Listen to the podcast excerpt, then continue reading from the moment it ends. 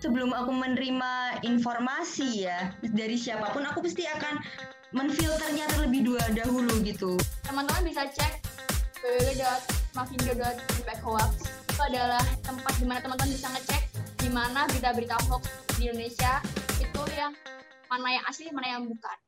Nah, gimana nih jika terjadi misinformasi dari figur publik, bagaimana kita sebagai masyarakat awam menyikapinya? Dan tindakan apa yang sebaiknya kita lakukan. Sebelum aku menerima informasi ya dari siapa pun, aku pasti akan um, menfilternya terlebih dua dahulu gitu. Yang pertama adalah aku lihat siapa sih yang nge-share berita ini nih.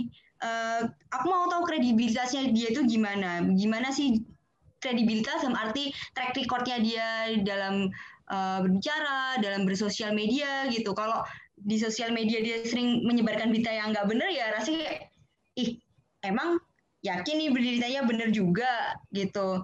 Dan yang kedua aku coba untuk melihat kompetensi orang tersebut gitu. Itu orang yang sesuai nggak sih untuk berbicara terkait topik itu? Um, apakah itu memang berita yang benar atau hanya jangan-jangan opini dia secara pribadi bukan secara instansi gitu? Uh, di satu sisi memang uh, era digital ini memudahkan orang untuk berbicara apa saja sehingga keuntungan yang lain uh, uh, di sisi lain itu menguntungkan kita bisa memverifikasi dengan mencari informasi yang serupa. Apakah iya yang disampaikan oleh orang tersebut itu seperti itu? Apakah benar atau enggak? Nah, itu yang uh, bisa kita lakukan setidaknya dengan cara yang mudah, bisa memverifikasi dengan cara mencari isu yang sama di media lain, gitu ya. Apakah benar atau enggak? Yang ketiga sama dengan Mbak uh, Alma tadi bahwa memang apa itu namanya apa yang mereka sampaikan ya uh, tidak selalu benar gitu ya. Kita lihat kredibilitasnya mereka gitu ya. Apa kalau dia kadang-kadang kan seorang public figure itu sering melakukan atau sering menginformasikan sesuatu yang wah yang bombastis. Oh, orang ini paling juga ngomongnya kayak gitu gitu ya. Kita Eh, dengan perilakunya dia kita bisa mengetahui seperti apa kredibilitasnya. Semua benar, saya juga setuju itu. Apalagi sekarang ini teman-teman uh, influencer ya atau public figure itu mereka kan emang terkenal karena ada salah satu sudut sudut apa ya sudut pandang yang mencolok kan contohnya kemarin kayak dia kosmetik tapi ngomong tentang covid gitu padahal nggak ada riset jadi teman-teman sekarang yang pertama benar untuk lihat dulu sebenarnya background of the public figure itu seperti apa? Dia berkecimpung di mana? Kalau dia adalah seorang uh, beauty vlogger atau enggak apa coba dilihat lagi track record mereka. Track record mereka selama beberapa tahun ini terakhir ini mereka tuh ngomongin apa? Jadi nanti ketika kita bisa lihat nih kalau beberapa hari ini tuh dia tuh ngomongnya tentang modeling dengan apa terus tiba-tiba dia ngomongin sesuatu hal yang istilahnya agak berat harus daki-daki pikirannya itu sejujurnya perlu diragukan lagi teman-teman. Yang kedua adalah kita juga lagi-lagi lihat di mana mereka mengkritisi sebuah masalah. Let's say oke okay, dia nggak pernah ngomongin tentang suatu kesehatan, dia selalu ngomongin tentang kecantikan, modeling, fashion and design, tapi ketika dia punya setting e, cara pikir yang kritis, itu juga nggak masalah gitu. Kemungkinan juga public figure itu benar. Tapi lagi-lagi benar tadi kata Mas Bahrudin bahwa sekarang itu era di mana berita banyak, orang-orang bisa speak up, dan orang-orang tuh pengennya tuh didengar, nggak mau mendengar gitu kan. Itu yang susah gitu. Jadi yang harus teman-teman sadari lagi, kita kita harus menyadari lagi bahwa sekarang itu eh, kita seperti ada di posisi di mana the dead of expertise. Jadi kayak banyak ahli pakar-pakar yang mereka tuh nggak bisa speak up, tapi orang-orang yang influencer dan merasa mengerti dari yang cuma dasar doang, mereka bisa speak up. Padahal kalau saran dari aku ketika ada informasi dari public figure lebih baik kita coba tanya ke sumber-sumber yang udah kredibel kalau nggak dosen. Apalagi sekarang ada LinkedIn ya. Sebagai media ini uh, ada standar khusus nggak sih untuk meliput wabah? Bagaimana peran ideal sebuah media ini untuk mencegah misinformasi dan mengurangi kekhawatiran masyarakat? Media itu menjadi satu dari pilar demokrasi ya, di Indonesia nomor empat ya Eh, serat trias politika. Jadi kalau saat ini banyak media yang uh, menyampaikan berita cenderung ke arah hoax, cenderung ke arah fake news misalnya, terutama ini media online. Kita bis, tidak bisa memungkiri bahwa uh, banyak sekali berita-berita yang model seperti itu gitu ya. Uh, apa yang harus uh, kita lakukan untuk melihat berita seperti itu? Uh, gini, setiap media itu ketika menyampaikan berita, mereka membutuhkan rating ya seperti program sinetron di televisi dan sebagainya. Ini termasuk berita, terutama di media online, sehingga mereka um, apa yang harus dilakukan, apa yang harus kita lakukan ya? Pertama adalah kita harus menyadari bahwa setiap berita online di uh, di media-media kita itu didasari kepada uh, kebutuhan ekonomi. Jadi Eh, apa yang mereka sampaikan itu tidak lepas dari keinginan untuk memperoleh engagement, memperoleh like, memperoleh share gitu ya, sehingga melahirkan sebuah atau apa melahirkan uh, pundi-pundi ekonomi dan menguntungkan mereka. Maka sebagai seorang warga yang kritis, kita tidak selamanya uh, mempercayai setiap media itu. Media itu ngasih framing, terus bombastis. Nah, teman-teman kalau mau cross berita yang mana nanti berita itu tuh sering banget muncul di grup lain, kalau nggak Instagram, Facebook ya, especially.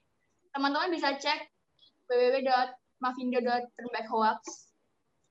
Itu adalah tempat di mana teman-teman bisa ngecek di mana berita-berita hoax di Indonesia itu yang mana yang asli, mana yang bukan.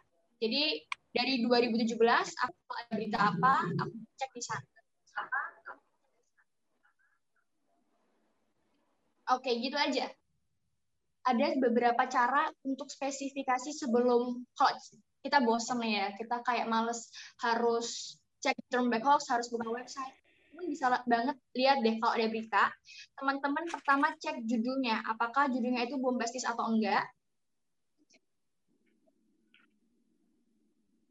Pertama adalah judulnya apakah itu bombastis atau enggak. Itu biasanya tuh kata-katanya kayak kata-katanya nomor lima bikin terkejut. Sebenarnya kalau nomor lima mungkin terkejut nomor empat tuh nggak ada informasi yang bisa diambil yang bagus gitu. Nah yang kedua adalah coba lagi di berita itu biasanya ada nggak data, ada nggak angka. Kalau dikasih data dan angka, coba dilihat lagi sumbernya. Kan setiap data angka itu tidak serta merta ada ya. Kalau di berita pasti nanti dikasih tahu sumbernya di mana.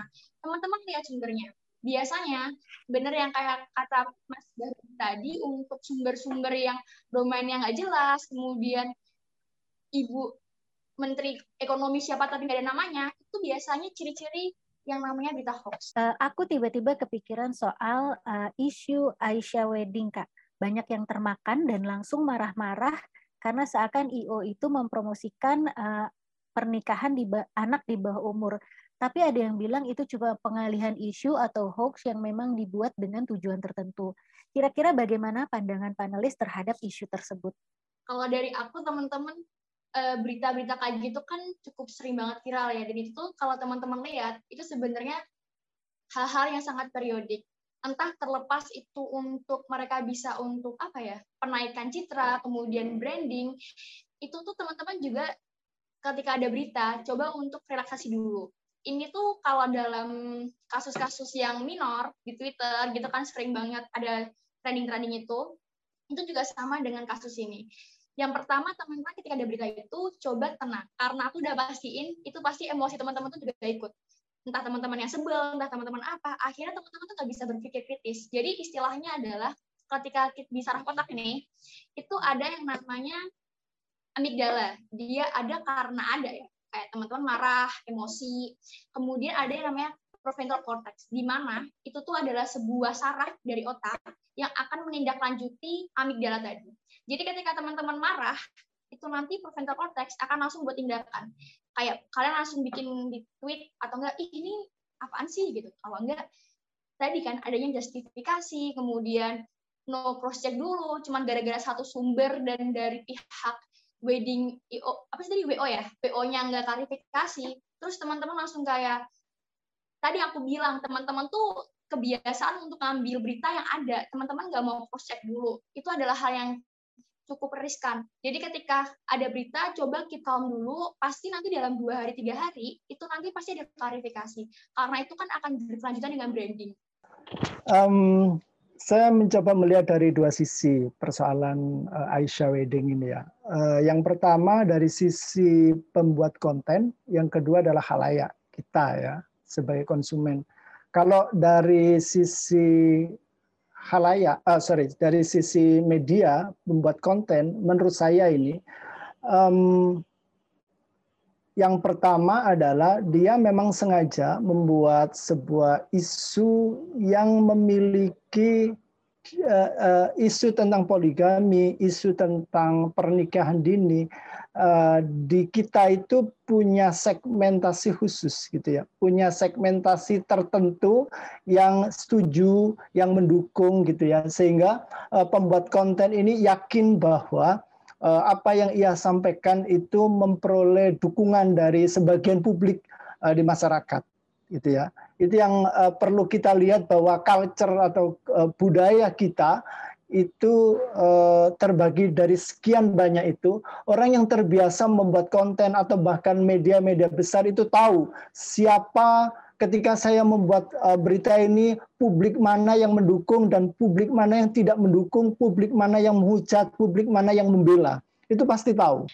Uh, pingin menekankan aja kalau ya kalau kita habis baca suatu berita nggak usah langsung cepet heboh, cepet nge-share gitu. Kita ya apa ya let's just focus our energy untuk sesuatu yang lebih bermanfaat untuk kita gitu loh. Karena kan um, dealing dengan berita-berita yang yang terlalu unik itu juga akan uh, menghabiskan energi kita. Apakah UU ITE ini dapat digunakan dalam hal literasi media? Oke. Okay.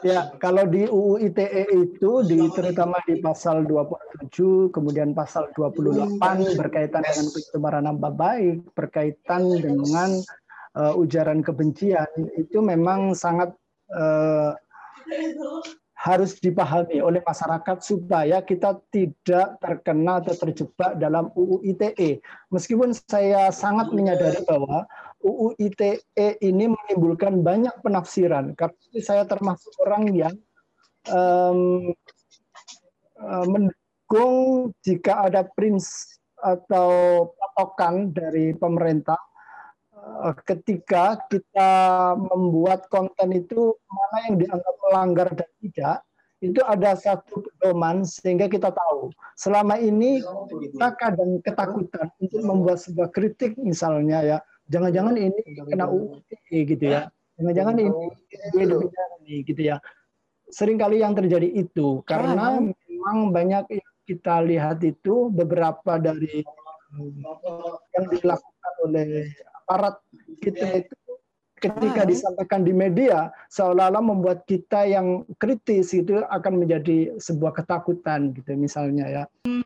Emang menurut aku sih undang-undang ITE sudah uh, eksistensinya memang bagus ya maksudnya untuk memberitahu bahwa um, ya kamu nggak boleh lah menyebarkan sesuatu yang hoax gitu terus uh, berdana kebencian gitu. Hanya saja memang uh, sayangnya masih ada beberapa pasal karet gitu. Dan hopefully um, dalam waktu dekat ini pasalnya bisa dikoreksi agar um, lebih bisa memberikan kejelasan gitu ya. Tapi memang sih kalau um, kalau kita ngikutin undang-undang ini memang ya debate-nya banyak lah ya. So hopefully uh, pemerintah bisa wise enough untuk menentukan uh, pasal yang sesuai begitu yang yang tentunya tidak semena-mena.